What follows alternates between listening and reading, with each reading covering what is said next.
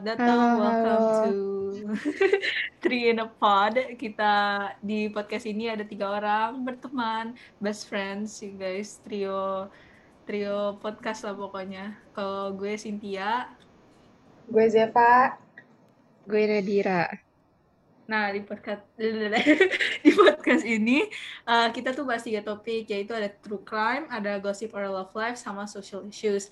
Dan kebetulan untuk episode pertama kita kita akan membahas tentang true crime yang biasanya pembunuhan berantai sih. Gimana tuh guys? Jujur Ah, aja gue seru-seru. Oke, Nadira dulu. Gue wah, penasaran sih karena gue nggak tahu yang mau dibahas. Java gimana? Sama, kayak kan ini ceritanya kayak dibacain gitu kan, terus kita reaksi. Hmm. Terus gue jarang juga ngedengerin cerita beginian. Iya sih, eh, kayak gue tuh eh, belakangan ini kan dengerin true crime gitu, tapi kayak gue nggak dengerin yang di Indonesia kan. And then when I uh, looked it up di Google gitu, kayak uh, serial killers in Indonesia, itu ternyata tuh ada. Terus kayak ini gue nggak pernah denger gitu loh, ngerti gak sih? Gue aja nggak pernah, makanya Ya, gue makanya juga. overthinkin. Oke oke. Jadi uh, serial killer dari Indonesia ini yang kita akan bahas itu namanya Baikuni atau dipanggil Babe dia biasanya. Dia itu um, victimnya itu boys age between uh, umur 7 tahun sampai 12 tahun. Victimnya itu 4 sampai 14. Di itu sih katanya dia admit uh, udah membunuh 14 orang. Halo Jeva on cam. Terus uh, dia uh, membunuhnya dari uh, tahun 1993 sampai 2010. Nah, sekarang overview dulu nih. overview dulu. Uh, Ya pertama kali gue pikirin adalah Baik Kuni itu um, dia tuh punya dulu, rumah kan di Jakarta bentar. kayak tunggu dulu, tunggu dulu, tunggu dulu. Java lo nge-lag. Ah, Ya gimana? Itu kan dari 1993 ya. Kok enggak ketangkep-tangkep? Gue ngerti gak sih? Lama banget Iya, itu. iya. Iya, makanya kayak gue tuh kaget itu loh dari 1993 sampai 2010 itu kayak 13 tahun dan kayak baru ketangkap sekarang gitu. Ya, Dan makanya. Iya, kayak coba. bisa mikir gak sih kayak kalau selama itu aja baru ditangkap eh, dua tang ini kan dia ketangkapnya tanggal 5 Oktober 2010 kan. Terus lu bayangin kayak kapan kalau misalnya ada orang gitu yang serial killer juga tapi emang gak ketangkap gitu kan serem banget ya. Iya, pasti banyak nggak sih? Tapi ini kan satu kasus Iya, aja segini. Setuju. Oke, overview ya guys. Jadi sebenarnya itu Baikuni itu eh gue panggil Babe aja ya. Baikuni agak ribet ngomongnya. Babe itu punya rumah sewa. Dia itu dia suka ngurusin anak-anak jalanan lah, anak-anak pengamen gitu-gitu. Dia tuh kayak dikenal warga itu dia tuh orang baik dan pokoknya rendah hati gitu. Dia tuh bantuin anak-anak yang di jalanan, kasih makan, kasih shelter, tempat untuk nginep lah ceritanya. Terus dia tuh eh, katanya bu- nggak bantuin anak-anak juga, tapi kayak dia tuh apa sih namanya? Ya baik lah pokoknya dikenal eh, warga-warga sekitar tuh orang baik. Nah makanya tuh pas mereka denger berita tentang si Babe ini, mereka tuh kaget, ha padahal dia orangnya baik banget gitu. Nah, according testimoni 12 orang anak 12 tahun, katanya dia pernah spend a few night gitu di rumahnya eh, Babe ini, tapi terus tetapi katanya itu dia itu orang baik, emang dia kayak caring person terus habis itu ngurusin anak-anak ini gitu. Nah, pasti bingung banget nggak sih kayak pasti orang yang kayak gitu lo nggak nyangka gitu loh jadi serial killer. Emang nggak bisa ketebak gak sih? Kadang orang baik Iya, tuh kayak bisa muka dua gitu, ngerti gak sih? Karena kita juga nggak tahu manusia tuh beda-beda anjir. Jadi kayak kayak kita nggak bisa lihat orang dari covernya. Wih, gila. Iya, keren. Tapi jatuhnya serem gak sih kayak orang yang lo percaya di lingkungan sekitar itu ternyata Hmm. nggak selamanya lo bisa lo percaya. Setuju. Jadi si Babe ini tuh eh, gue nah kan biasanya serial killer killer killer nggak jelas gitu. Biasanya most of the time childhoodnya itu kayak ada traumatis or just has a bad childhood gitu kan. Nah pas sebenarnya tuh pas gue search childhood Babe ini tuh kalau di artikel-artikel tuh kayak susah gitu tahu susah dicari. Dan akhirnya gue nemu dari podcast gue juga dengerin podcast dari Tirto ID di YouTube. Uh, kata dia tuh wawancarain si Babe ini terus uh, ini dari kata-kata Babenya sendiri. Nah, jadi tuh masa kecilnya itu dia berat, katanya dia tuh keluarga miskin, di daerah terpencil di Magelang. Terus dia tuh sebenarnya uh, dia tuh bukan anak sekolah, bukan anak yang pinter gitu. Terus dia kayak gara-gara dia bodoh, dia itu dibully-bully gitu. Terus akhirnya dia keluar sekolah karena katanya buat apa sekolah gitu kan. Mending langsung kerja aja. Pas kelas 3 SD, 3 SD loh guys, ya Allah gue kasihan sebenarnya sih. Agak agak kayak ada simpatinya gitu sebenarnya, tapi dia membunuh-bunuh orang. So terus uh, enggak gue mau nanya itu itu itu ada orang tuanya gak sih? uh, katanya sih ada tapi kayak he didn't talk about the orang tua that much tapi gue denger pernah denger sih katanya orang tuanya emang keras gitu ngedidiknya tapi nggak nggak denger kayak gimana ya ya nggak denger abuse banget gitu tapi jadi gue juga nggak tahu sih. Serem anjir masa kelas 3 kelas 3 boleh keluar sekolah? Iya kan makanya aneh oke. Okay lanjut. Terus uh, kan dia keluar nih. Terus kayak apa sih? Buat apaan sekolah kalau kayak gini? Gue aja udah bodoh dibully gitu. Mending gue kerja aja. Terus dia pindah ke Jakarta tuh anak-anak. Tapi gue nggak tahu sih dia pindahnya bareng orang tuanya atau enggak terus dia uh, di Jakarta itu jadi kayak pengamen gitu. Nah ada juga nih event traumatik dia tuh pas kecil di Jakarta diajak preman gitu ke suatu tempat terus kayak karena dia takut ini dari wawancaranya sendiri loh dari kayak karena dia takut dia tuh ikutin aja. Terus pas sudah sampai di tempat itu dia suruh lepas baju terus ya di rape gitu sama multiple preman-preman gitu. Dia cewek apa cowok? Kasihan. Cowok cowok. Babe. Rape itu apa? Perkosa? Itu apa sih? Oh. uh, sama cowok Sumpah ini aneh banget. Iya, cowok sama cowok. Oke, okay. sama cowok. Ih, gila aneh banget. Nah, terus uh, dia bilang, um, uh, katanya dia tuh nggak bisa ngapa-ngapain kan, apalagi kayak sama preman, terus dia dia cuman kayak nggak mau dibunuh doang, kayak udah gue pasrah, pokoknya gue nggak mau dibunuh gitu kan. Terus oh. habis insiden itu, dia nangis, dia pindah lagi ke Magelang kayak gara-gara traumatis, terus kayak dia nangis, yang nggak tahu lah mau ngapain lagi, terus dia pindah lagi ke Magelang, ya kan?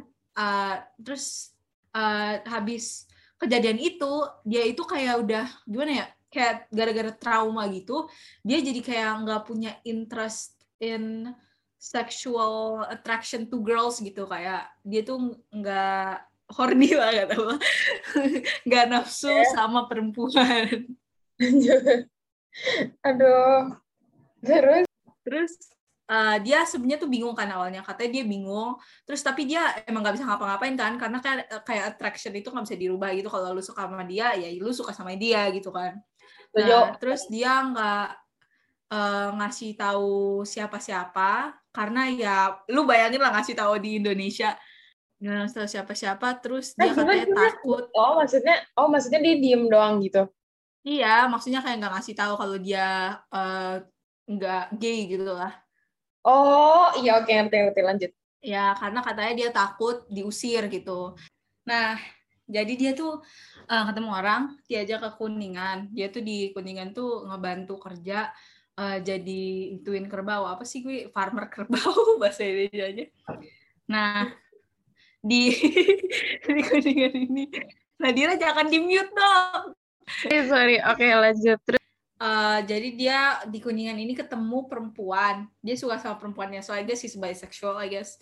Nah terus akhirnya dia uh, married uh, di tahun 2000 eh di pas dia 21 tahun. Oke okay. nah tapi he doesn't have interest on having sex gitu with his wife gitu. Hmm. sampai wife-nya itu mati gitu kan. Pokoknya dia not not have uh, apa sih? Pokoknya dia nggak interest gitu kan gara-gara traumanya gitu.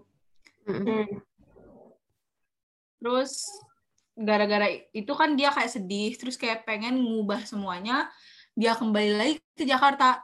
And he ended up jualan rokok di terminal Pulau Gadung. Terus he took care of street kids gitu kan kayak anak-anak jalanan dia kasih makan kasih shelter. Terus habis itu uh, nah tapi sebenarnya itu dia baik. Tapi kadang-kadang tujuan dia nge ngasih shelter ngasih food itu and sometimes he he will trap them gitu loh. Hmm. Hmm, terus, And then kayak gue baca artikel, uh, I think it was dari korbannya juga, tapi dianya kayak belum di sexual molested, tapi kayak dia pernah diajak gitu, diajak dikasih makan, dikasih shelter gitu-gitu, tapi akhir-akhirnya dia dipegang-pegang gitu. Anjir. Terus terus. Itu mah sama aja jahat, Kayak, kayak Iya. Iya, tapi kan orang kayak nggak ngeliat gitu loh. Jadi kayak di mata warga-warga gitu, dia tuh orang baik yang ngebantu-bantu anak di jalanan. Hmm. Mm-mm. And then uh, dia tuh ternyata, uh, I guess suspected, bukan dia nggak itu juga sih. Katanya he's a necrophilia. Necrophilia itu kalau nggak salah kayak orang yang sexually attracted to dead people gitu. What? Itu I don't think that's a thing. Kayaknya itu bukan bukan suatu seksualitas deh, tapi udah Iya, bukan rada-rada. bukan seksualitas tapi kayak kelainan tunggu gue Google deh necrophilia kelainan atraksi gitu penyimpangan seksual yang membuat pengidapnya menikmati hubungan intim dengan mayat Gila. anjir, udah apa sih namanya? Gak tahu ah. Itu kayak aneh gitu. Normal itu. Anehnya tuh Uh-uh. gimana ya? Aneh gitu. I think tapi kayak dia eh gimana ya? I think kayaknya dia tuh eh, necrophilia bisa dibilang dia necrophilia suspectednya sih necrophilia but um, kayak dari wawancaranya sih dia bilang dia itu kayak ngebunuh victimnya karena emang susah gitu kalau masih hidup nanti nggak sih Yo, Hah? oke. Iya sih, Gimana, tapi gimana? kalau Iya, kalau masih hidup kan juga. victimnya ngelawan gitu kan. Mm-mm. Oh, ya makanya jangan nyarinya jangan dipaksa lah bego. Gimana sih? Iya masalahnya masalahnya anak kecil Lo kalau misalnya Oh, diajak eh lu mau berhubungan intim iyalah Oh iya ya, anak kan yang dikasih anak kecil ya?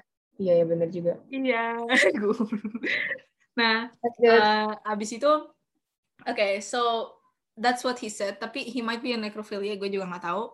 And then dia bilang sometimes he raped them uh, after he killed them. Tapi kadang-kadang kalau misalnya ya after he killed them berarti kayak dia hubungan intim sama ya pas sudah mati gitu.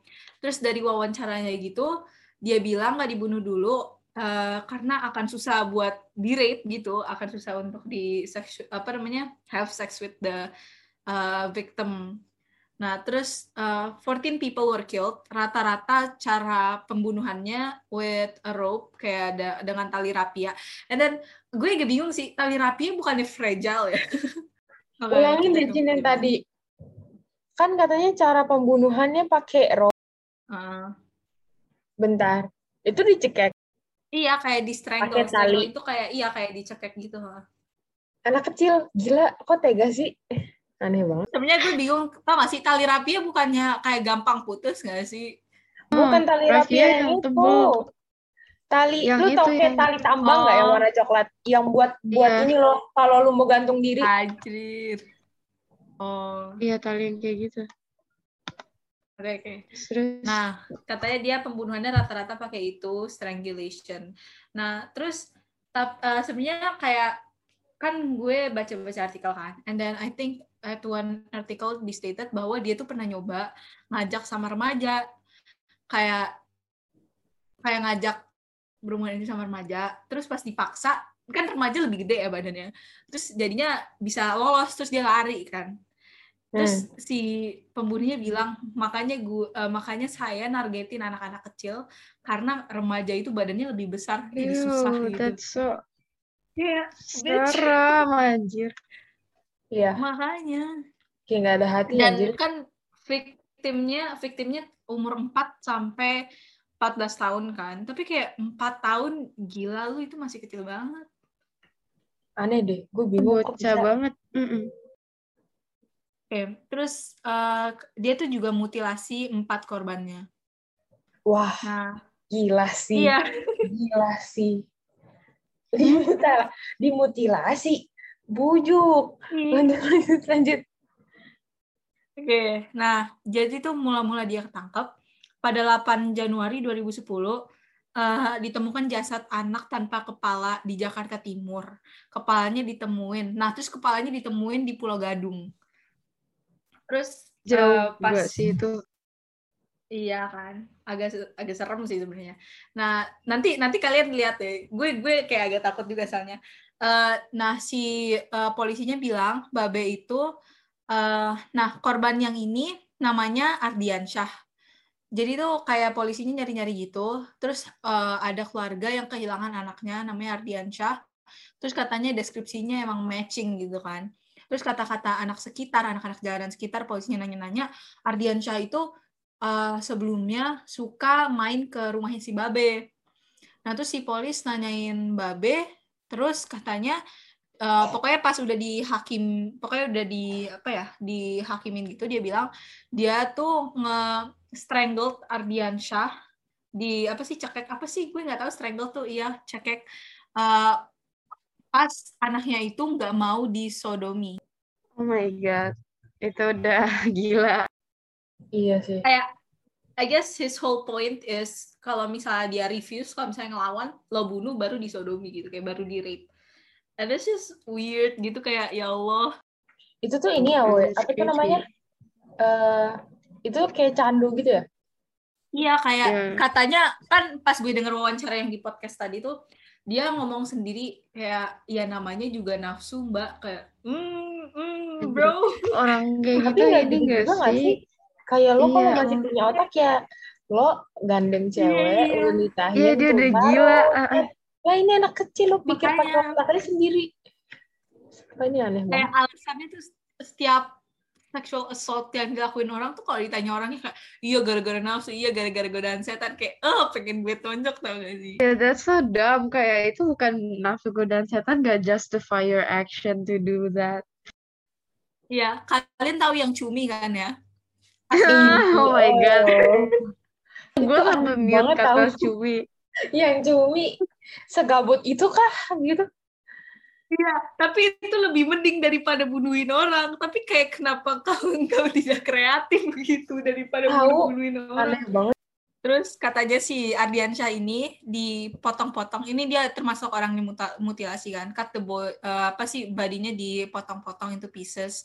Uh, dipotong kepalanya, terus dibuang gitu di dua lokasi yang beda yang tadi di Jakarta Timur sama Pulau Gadung. Terus uh, pas di apa namanya di pas pas ditangkap di rumahnya dia polisinya nemu baju-baju Ardiansyah uh, apa namanya tali sama pisau besar terus ada tiga tiga anak di rumah dia kata di wawancaranya sih dia bilang dia tuh nampung nampung anak anak anak jalanan.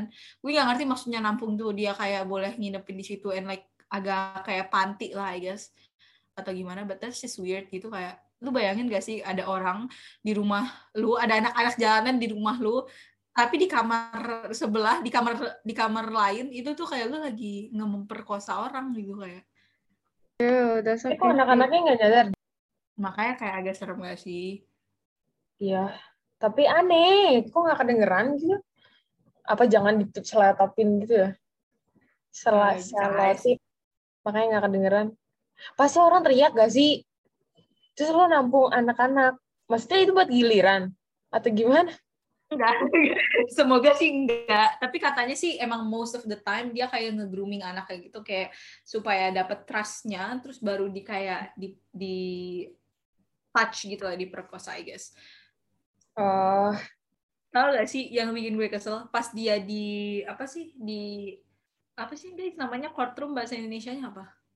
Uh, pengadilan. Ya, pas dia di pengadilan kan ditanya gitu. Terus katanya dia punya tipe dong. Kayak tipe eh, anak-anak yang dia perkosa itu putih, mulus, terus kurus. Gitu kayak First of all, dia melakukan itu udah udah fuck up banget. Terus habis itu ada tipenya dia, tipe dia sesuai dengan beauty standard banget lagi. iya. Kayak aku oh banget. Iya, iya itu yang gue pikirin. Nat. Itu tadi gue mikirin. Oke.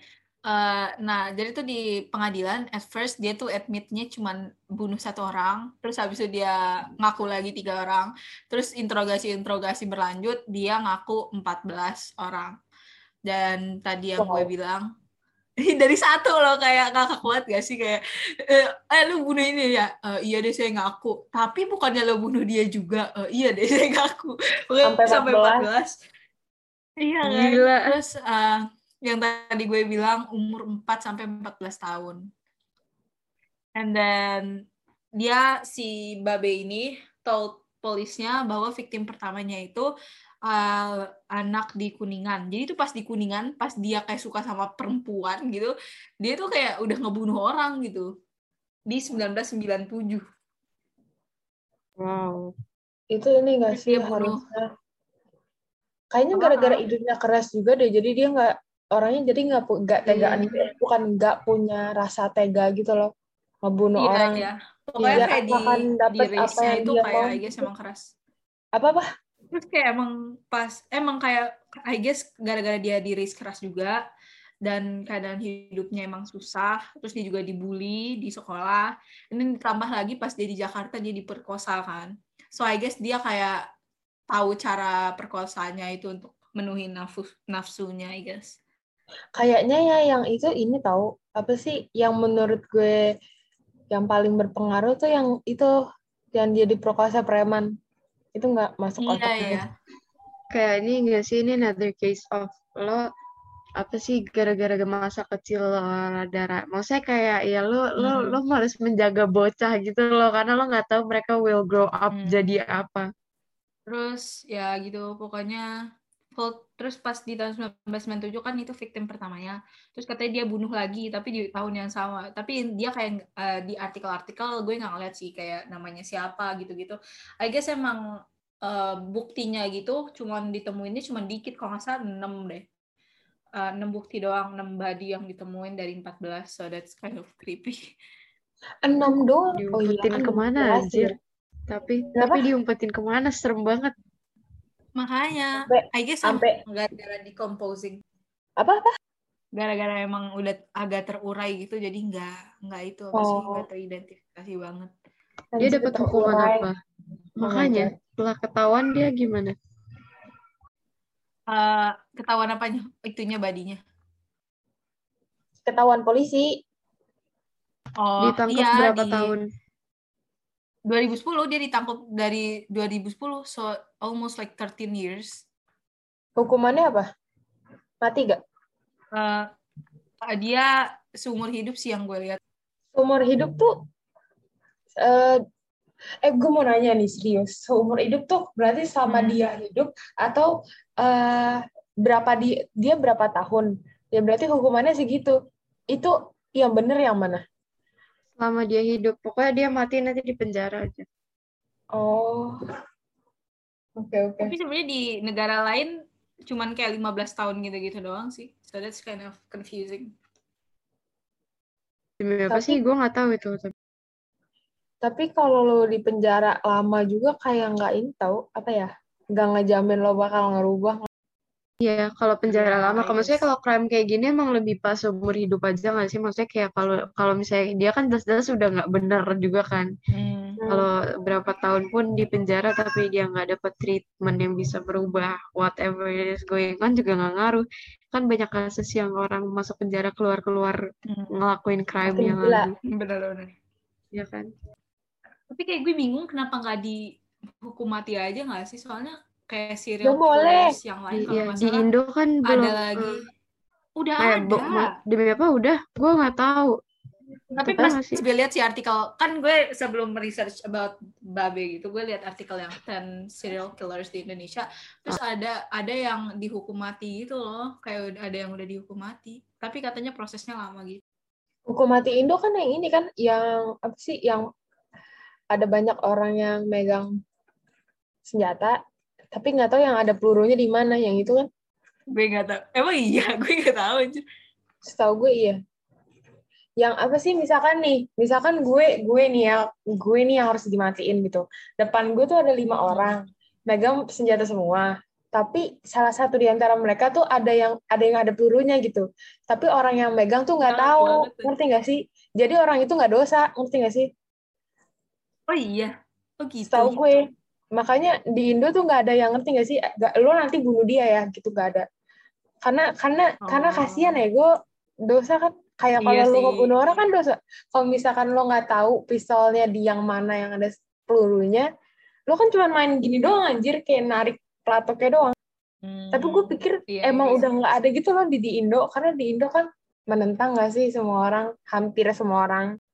Tapi Makanya ya serial killers pokoknya yang kasus pembunuhan sih kayak harusnya dibunuh juga nggak sih? Justice alive for alive tapi nggak tahu juga sih emang kayak orang beda uh, apa sih? Mm. nah ini tahu yang bikin gue serem. Jadi tuh dia habis dia bunuh di kuningan ini 10 tahun kemudian. Gue nggak tahu sih pas uh, pokoknya 10 tahun kemudian dia bunuh-bunuhin orang anak-anak di Jakarta kan.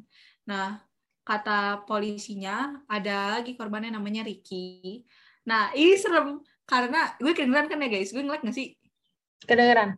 Kedengeran. kata polisi badan Ricky itu ketemu di dalam box di Kelapa Gading 2007 Box apaan anjir? box aqua kalau nggak salah kayak box mineral. Dan oh masalahnya gue ya kayak nggak nggak itu nggak sih nggak nyangka gitu. Gue tuh grow up di Kelapa Gading kayak gue nggak tahu gitu kalau Iya. misalnya ada body floating somewhere gitu. Lo tau gak sih, gue pikir tuh box-box-box yang kalau lu belanja belanja bulanan, ngerti gak sih? Box yang gede. Ya gue mikir nih, Tapi muat kali ya, suspicious kalau banget gak sih? kardus, kardus bulanan. Belanja. kardus gede agak Ini suspicious. botol aqua. Lu pikir aja sendiri botol aqua, cuk. Botol aqua. Oh my God. Box aqua, bukan botol. Oh, box. Ah, tai. Gue pikir botol. Gue kayak, botol. Lu bilang botol. Botol. Anjrit. Gak taunya box. Oke. Kalau box sih masih, masih, kalau menurut gue, Ya Allah, ngakak gue. oke. Tapi kalau botol lu kayak Aladin, anjir. Beda lagi. Adin. Serem banget tapi. Mana muat sih, tapi ngakak banget. Masa harus di dulu? Iya makanya, makanya gue pikir oh dia separah ini gitu. Sampai sampai nih kayak cincang-cincangan lu masukin botol. Iya. Makanya tadi gue langsung kaget. Tapi tetap aja gak sih lo taruh di box kayak box aku kan gak segede itu kayak lo harus nge-press sampai kayak gimana. Oh, According to police, yang Ricky ini tuh first victim dia di Jakarta, and then he killed uh, a lot others. Kayak yang tadi dia admit dia ada 14 orang total di Jakarta gitu. And lu kayak bayangin gak sih kayak in fact kayak dari 2007 gitu uh, apa sih namanya dari pas udah kita lahir itu dia udah kayak killing people and we don't know it. And di Jakarta lagi. dan itu random Iya, anjir. makanya kan. Untung aja bukan kita. Untung kita nggak kena. And then from the podcast dia bilang katanya dia ada rasa senang melihat anak-anak What? disiksa dan bikin birahinya naik. Ew, he got some pink or something. Itu kayaknya. And like Itu lah. Eh, gitu deh intinya. uh, he's like a weird person. Sebenarnya ini kayak end of the case, tapi kayak banyak teori itu dari case-nya dia. Karena ada serial killer lain namanya robot something, pokoknya panggilannya robot, and there's like uh, udah ditangkap juga, tapi katanya teorinya itu si killer robot ini uh, itu berhubungan sama si Babe ini. Wow. Jadi gimana? Wow. Tapi kayak teori doang ya. I guess it's not proven. Si polisi katanya udah bilang ini kasus berbeda. Hakim udah bilang kasus berbeda. Tapi kayak you know it's a theory, it's fun. Uh, apa sih namanya? Jadi tuh uh, cara bunuh si robot ini uh, apa namanya sama sama cara bunuh si Babe. Terus mereka saling kenal. Tapi si Babe bilang bahwa mereka cuma temen temen jalanan lah ya, temen yang jualan di jalanan. Hmm, agak curiga. tapi iya. Nah, terus pas ditangkapnya robot, si si Babe ini sebenarnya jadi witness. Kayak dia tuh jadi witness gitu, dia ngaku bahwa dia ngelihat si bo- robot um, ngebawa anak kecil ke semak-semak uh, pas jam satu malam. Tapi ini gak sih kayak you attract people yang kayak lo, kayak kayak circle lo tuh pasti sejenis lo gitu. Jadi kalau mereka temenan ya, hmm, Nggak. Enggak ini enggak sih. Iya. Ya, kalau mereka temenan ya sebenarnya sejenis gitu. Ngerti nggak sih mereka? iya. Tapi sebenarnya teorinya itu bahwa si robot ini cuman jadi tumbal, kayak cuman jadi tumbal si Babe ini. And then Oh, biar like Babe nggak kena ya? Iya, jadi itu si jadi sih. uh, bilang teorinya itu bahwa si katanya ya katanya si robot ini kayak ngetunduk gitu tunduk or kayak ngagumin or gimana ya nggak like bukan I don't know if he falls in love tapi kayak ngehormatin banget si babe terus jadi kayak you know speculation and theory bahwa dia itu emang dijadiin tumbal sama si babe gitu padahal si babe yang ngebunuh-bunuh anak ini but I don't know atau enggak si siapa tuh namanya si robot kan namanya nah. atau enggak si robot itu kayak kan katanya dia nggak hormatin banget mungkin aja si robot itu pernah ngelihat si babe jadi dia tuh langsung kayak pengen tahu gitu dan pengen kayak si babe hmm. maybe robot help them like nggak Iya. help babe bunuh-bunuh gitu Yang ditangkap duluan siapa? Robert? Eh, udah Robert. Rob, astagfirullah gue sama robot apa babe? Gue- Apa? gue search dulu kalau si babe kan Oktober 2010 ya. Nah, nama nickname-nya Robo Gedek, eh, robot gedek I don't know. Soalnya kalau-. Kalau babe duluan ditangkap ngapain robot jadi kayak tumbal kan istilahnya babe udah ditangkap udah ketahuan for like 14 Kayaknya robot gedek dulu gitu. deh. Robot dulu. Iya. Makes sense kalau misalnya jadi gue- gue tumbal. cari. Iya, makanya kayak bentar, uh, bentar. kalau dia duluan sih gedek. ya bisa jadi sih jadi Gue- tumbal I don't know dia ditangkap kapan, tapi popularitas eh, pokoknya di newsnya mulai ada di 1996 1997. So that's kind of Creepy.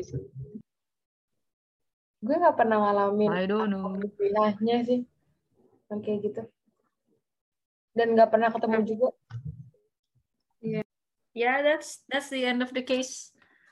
Akhir case-nya seperti itu, dia ditangkap dan life in prison.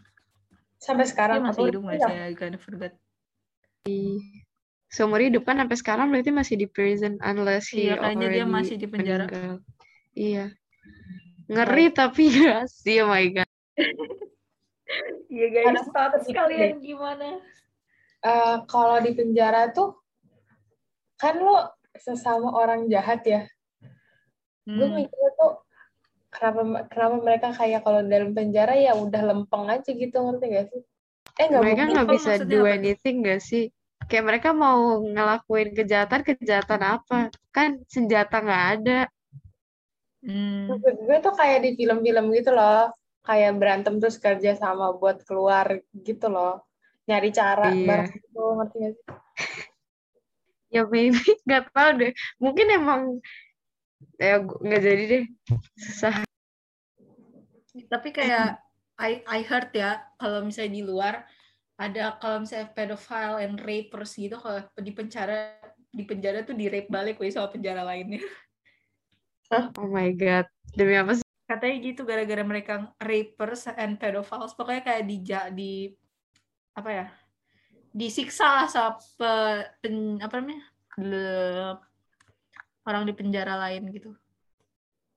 wow gue baru tahu Sama gue kira nggak gue tuh bingung kalau misalnya kayak gitu orang yang di penjara for those crime itu mereka nggak di apa nggak dipisah gitu penjara Ah, kayaknya gitu sih. deh eh enggak Cynthia dulu Probably not kok. Lanjut aja nggak apa-apa. Oh, kalau misalkan menurut gue kenapa nggak dipisah gara-gara ini? Apa tuh namanya?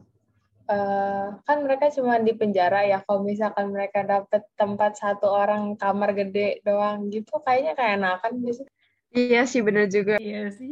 Udah kayak kamar hotel anjir satu doang. Eh enggak woi, kamar hotel aja kadang berempat. Tuh, harusnya penjara tuh kayaknya biar apa ya, biar ngenes kali.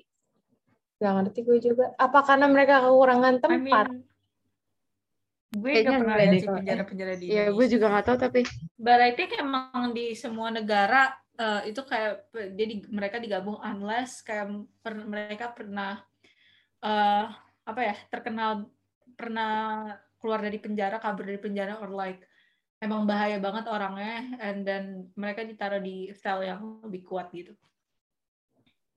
Ya sih then that makes sense Ya, and I just googled hukuman mati katanya masih ada so.